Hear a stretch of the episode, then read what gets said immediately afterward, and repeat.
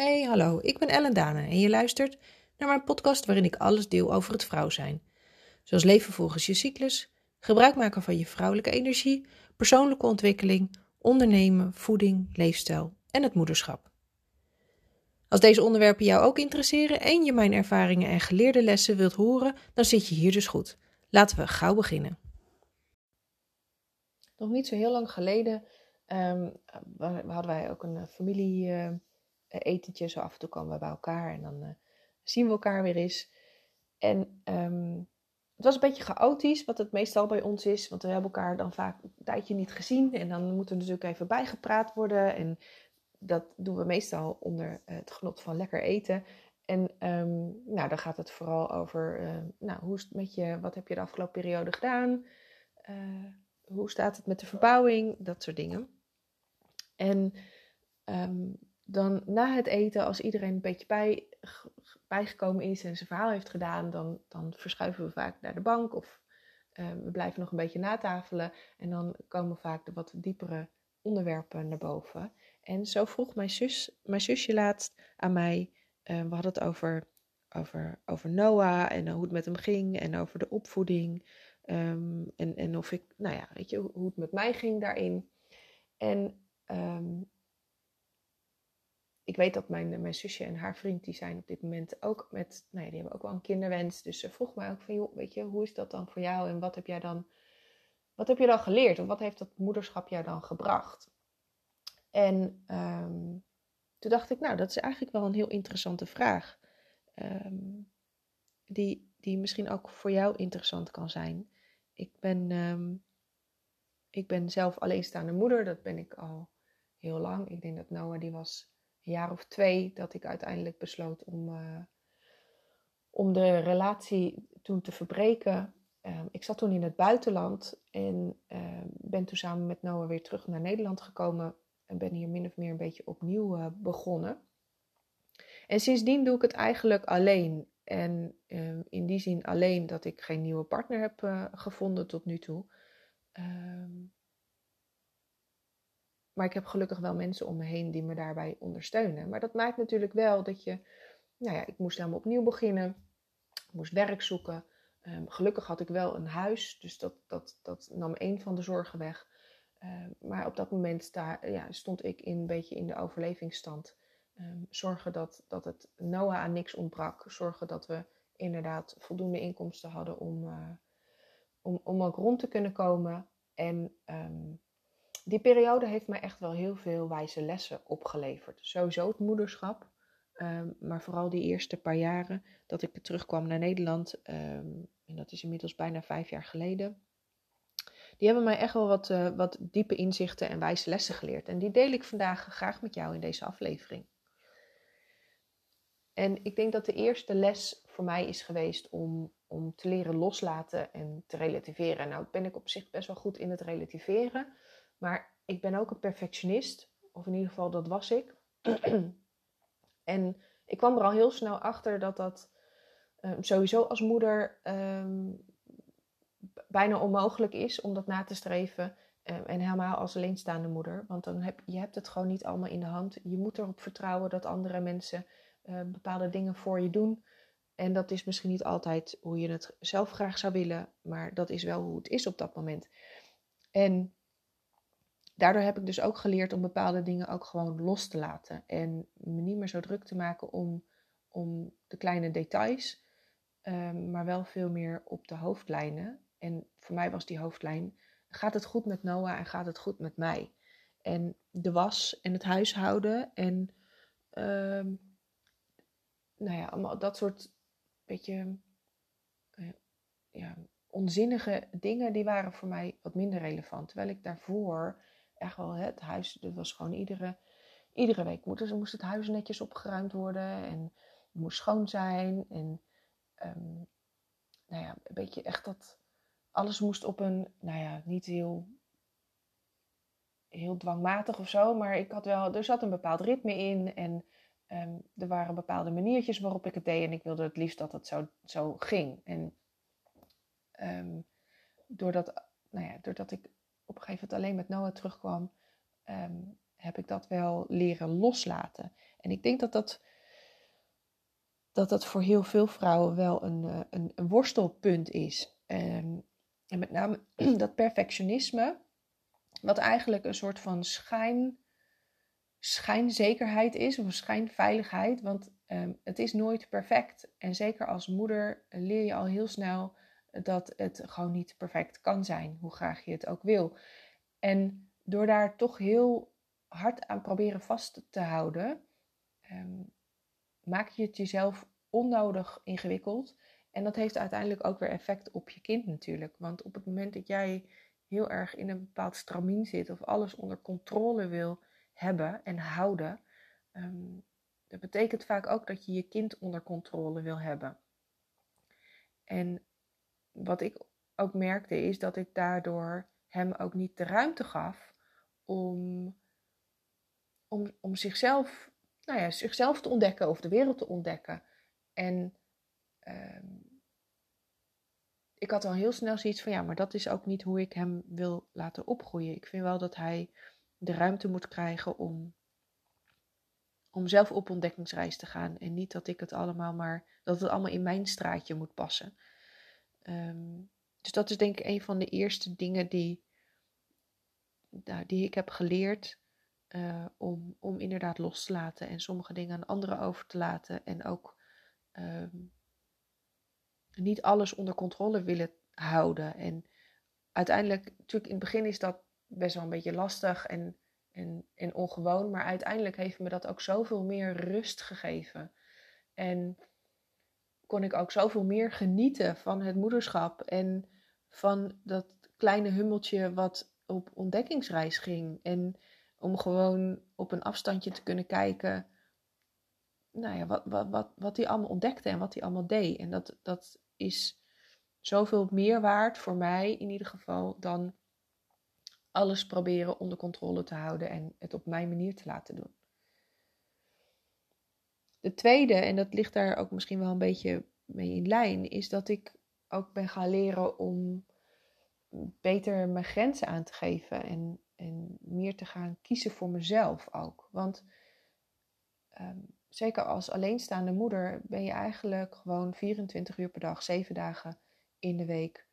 Um, nou ja, sta je in de stand-by stand als moeder zijnde. Mijn, mijn ex die heeft ook um, besloten om zich helemaal uh, zeg maar terug te trekken. Dus de zorg kwam ook volledig op mij terecht. En ik heb op een gegeven moment ook wel geleerd dat ik kan niet altijd 100% moeder zijn. Dat is voor mij niet goed, maar dat is ook voor Noah niet goed. Um, en ik heb ruimte voor mezelf nodig om op te kunnen laden, maar ook om leuke dingen voor mezelf te kunnen doen, zodat ik ook mezelf kan blijven ontwikkelen. Dat is voor mij belangrijk. Um, en niet alleen maar in ten dienste te staan van, van mijn kind. Dat is niet de manier waarop ik moeder wil zijn. Dat is ook niet de manier waarop ik Noah wil opvoeden. En um, ik merkte ook dat op het moment dat ik mijn grenzen niet aangaf bij hem, dat ik daardoor juist heel erg um, geïrriteerd raakte. Op het moment dat hij dus constant over die grenzen heen ging. En dat doen kinderen. Dat is gewoon een feit. Kinderen zoeken altijd de grens op en um, gaan altijd kijken hoe ver ze kunnen gaan. En op het moment dat jij niet zelf die grens aangeeft en dat niet duidelijk aangeeft, dan blijven ze dus doorgaan. Net alsof ze, ze blijven maar op die knop drukken totdat er een keer een alarmbel afgaat. Nou, en dat wilde ik ook niet. Ik wilde het niet zo ver laten komen dat doordat ik niet in staat was om mijn grenzen aan te geven, ik uiteindelijk um, soort van ontplofte op het moment dat Noah dus die grenzen ging opzoeken. En um, nou ja, in het begin gaat dat natuurlijk met hele kleine stapjes. Um, en werkt het ook niet altijd, want het is natuurlijk niet leuk als je bepaalde dingen ineens niet meer mag als kind zijnde. Of als je uh, even op je beurt moet wachten. Dat is heel vervelend. Um, maar ja, dat zijn gewoon hele kleine dingetjes. Bijvoorbeeld uh, aangeven van ik ga nu eerst even dit afmaken en daarna ben ik er voor jou. Of um, toen hij wat ouder was, van ik ga even een half uurtje, ik noem maar wat, even naar boven. Uh, of even een boekje lezen. En je mag gewoon prima hier bij mij spelen, maar ik wil even een half uur ehm, dit kunnen doen. En na verloop van tijd is dat, ja, bent hij daar ook aan, leert hij daar ook van en gaat het dus ook steeds makkelijker. En ook dat heeft mij uiteindelijk een, een prettigere moeder gemaakt, omdat ik gewoon de tijd had om inderdaad af en toe even bij te komen en ook iets voor mezelf te doen. Wat ik daarbij ook moet aangeven, en dat is ook meteen mijn derde les geweest, is ehm, dat het voor mij absoluut noodzakelijk was om ook hulp in te schakelen. Uh, ik zeg, ik kan niet 24 uur per dag aanstaan als moeder en daarnaast ook nog werken. En, um, en ik had gewoon echt die tijd voor mezelf ook nodig om een beetje op te laden. Dus gelukkig heb ik um, twee hele lieve ouders die dicht bij mij in de buurt wonen. Ik heb hele, um, hele uh, aardige buren met wie ik goed contact heb. En, en natuurlijk ook een paar vriendinnen met uh, uh, kinderen in dezelfde leeftijd. En op die manier heb ik ook een netwerk om me heen verzameld die me daar af en toe bij kon helpen. En hulp vragen is voor mij altijd heel moeilijk geweest. En dat heeft ook wel met dat perfectionisme te maken. Dat heeft ook wel een beetje met het feit te maken dat ik um, nou ja, ergens de overtuiging heb opgepikt dat ik het allemaal alleen moet doen. Dat ik het allemaal zelf moet kunnen. En wat Noah mij dus heel erg heeft geleerd, is dat dat niet nodig is, maar dat dat ook echt een utopie is. En uh, nou, in het begin was dat natuurlijk heel moeilijk om hulp vragen. Gelukkig, nou ja, bij je ouders is dat wat makkelijker. Maar dan ging Noah dus af en toe een nachtje logeren of ze paste een keer een, eh, een, een, een, een middag of een avond op hem op, zodat ik ook nou, af en toe er eens uit kon gaan en met andere mensen af kon spreken of kon gaan sporten of um, gewoon eens even niks kon doen en lekker een beetje chillen op de bank. En dat heeft mij ja, dat, dat, ook dat heeft mij gewoon zoveel meer rust gegeven uiteindelijk. En heeft er ook voor gezorgd dat ik, uh, naast dat ik moeder ben, ook mijn eigen pad heb kunnen gaan volgen. En ik denk dat het uiteindelijk ook gewoon een positief effect heeft op Noah. Uh, omdat hij daarmee leert dat uh, ik niet de enige ben of hoef te zijn in zijn leven. En dat hij dus ook. Ehm, eh, en da daardoor is hij ook wel echt een stuk socialer geworden. Hij, hij vindt het heerlijk om af en toe uh, uh, uit logeren te gaan en bij vriendjes te gaan spelen. Hij, hij trekt er lekker op uit en, uh, en als hij dan weer thuis komt, dan, ehm, nou, dan, dan ben ik er en dan, dan kan het ook leuk zijn. Dan, dan hebben we elkaar eventjes niet gezien en dan hebben we elkaar ook weer wat te vertellen en dan is er ook weer ruimte om leuke dingen met elkaar te doen.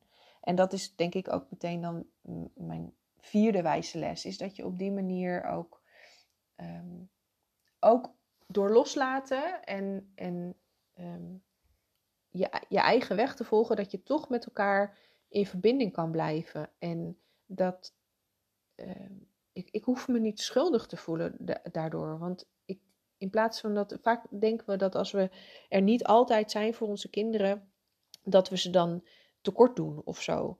Of dat we dan falen als moeder. Of uh, dat, dat, dat je zeg maar die ruimte niet voor jezelf mag vragen. En ik denk juist dat je daarmee je kind een heel groot plezier doet. En dat je daarmee je kind ook vooral nieuwe vaardigheden leert waar hij of zij later um, heel veel aan heeft. Um, ik zie het namelijk ook wel eens gebeuren dat, dat kinderen die bijvoorbeeld heel lang thuis gehouden worden en, en in dat opzicht opgroeien met alleen maar volwassenen, die vinden het vaak enorm spannend om op een gegeven moment naar school te gaan. Uh, of die hebben heel veel aanpassingsproblemen op het moment dat ze dan daadwerkelijk naar school gaan of in een groep met andere kinderen terechtkomen. en uh, iedereen moet natuurlijk uiteindelijk zelf bepalen hoe, hoe die zijn kinderen opvoedt. En ik zeg echt niet dat dat er maar één weg is en dat mijn weg de, beste weg is. Maar wat ik ervan heb geleerd, um, is dat ik dus ook in staat was, ondanks dat wij niet altijd bij elkaar waren, dat we wel echt heel goed met elkaar die verbinding konden opzoeken. En ik heb daar ook wel heel bewuste keuzes in gemaakt. Dat op het moment dat ik tegen hem zeg: Ik ga nu eerst even iets voor mezelf doen en daarna ben ik er voor jou, dat ik er daarna ook echt voor hem was. En dat we samen wat gingen doen. Ehm, het, het is ook bij ons zo dat we eigenlijk minstens twee keer per dag even bij elkaar echt die verbinding opzoeken. en dat we even bij elkaar inchecken van hoe gaat het met je. Um, en, en ook even echt samen zijn. En dat kan zelfs zoiets simpels zijn als um, samen op de bank zitten en een beetje tv kijken. Of um, s ochtends even elkaar opzoeken en goedemorgen wensen. En even knuffelen. En er gewoon echt even die volle aandacht. Um, en dat hoeft echt niet lang te zijn. Maar niet met een half. Want dat merkt hij ook. Op het moment dat ik zeg: Ja, ik kom bij je op de bank zitten. En ik ga vervolgens op mijn telefoon zitten. Dan zegt hij op een gegeven moment ook: Mam, kan je je telefoon wegleggen? En dan denk ik: Oh ja, weet je, het gaat even over die, dat, dat moment echt met elkaar verbinden. Echt even die connectie zoeken. En bij ons avonds is dat bijvoorbeeld in de vorm van een soort ritueel, hoe, hoe, hoe hij naar bed gaat. Hè. Dat is samen douchen, samen een boekje lezen, tanden poetsen, nog even op bed uh, kletsen. En dan, dan heb je, en dat zijn dus helemaal geen hele lange momenten, dat is helemaal niet ingewikkeld.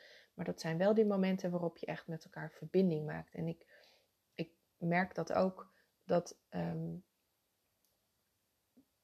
dat dit soort dingen ook in relaties, hè, dus als je het hebt gewoon met je partner, dat we dat soort dingen ook nog wel eens vergeten. Ik in ieder geval wel, als ik kijk naar mijn, mijn vorige relatie of relaties, dan zijn dit juist ook de punten waarop het vaak botste of waarop het vaak, um, uh, nou, waarop we wat, misschien wat vaker ruzie met elkaar hadden. Dus in dat opzicht heeft Noah mij niet alleen um, heel veel wijze lessen eh, gegeven in, in het moederschap, maar ook gewoon in hoe ga je met elkaar om? Hoe sta je in relatie met iemand? En ook daarin geldt dat je soms moet kunnen loslaten en moet kunnen relativeren. En dat je, dat je je ruimte voor jezelf mag innemen, net zo goed dat dat de ander ook zijn of haar ruimte in mag nemen. En dat dat prima is. En dat je juist daardoor weer elkaar kan opzoeken en die verbinding kan vinden met elkaar. Ehm, waardoor je, je je relatie uiteindelijk alleen maar hechter wordt. En ehm, dat, dat je het dus ook niet allemaal alleen hoeft te doen. Dat, dat dus dat hulp vragen ehm, ook juist er weer voor kan zorgen dat je, uh, nou ja, dat je beter met elkaar in contact staat. Dus in dat opzicht, ja, kinderen zijn toch echt je grootste spiegel. Ehm, dus op het moment dat dat even niet lekker loopt, dan, dan kun je je ook. Hè, dan, vaak zijn we geneigd om te zeggen: ja, het ligt aan het kind. Maar je kan ook eens naar jezelf gaan kijken en denken: oké, maar welke les heb ik hierin te leren? Want ik denk dat we altijd wel een les te leren hebben. En ehm, voor mij waren dit de, de meest belangrijke lessen die ik uh, uh, in de afgelopen jaren heb mogen leren. Waar ik heel dankbaar ook voor ben. Um, en nou ja, mocht jij nou ook worstelen met, met het moederschap of voel jij je ook af en toe schuldig of, of probeer je ook echt die, die controle te houden, dan hoop ik dat je, nou ja, dat je aan mijn wijze lessen ook iets hebt in, en misschien bepaalde dingen ook weer in een ander perspectief kan zien, zodat je daar zelf ook andere keuzes in kan maken als je dat, uh, als je dat zou willen. Um, en nou, mocht je het inderdaad interessant, uh, een interessante aflevering hebben gevonden, dan, uh, dan hoop ik dat je het ook deelt met andere vrouwen waarvan jij weet dat die daar misschien mee worstelen of die iets zouden kunnen hebben aan mijn, uh, aan mijn wijze lessen. En voor nu zou ik willen zeggen dankjewel voor het luisteren en tot de volgende aflevering.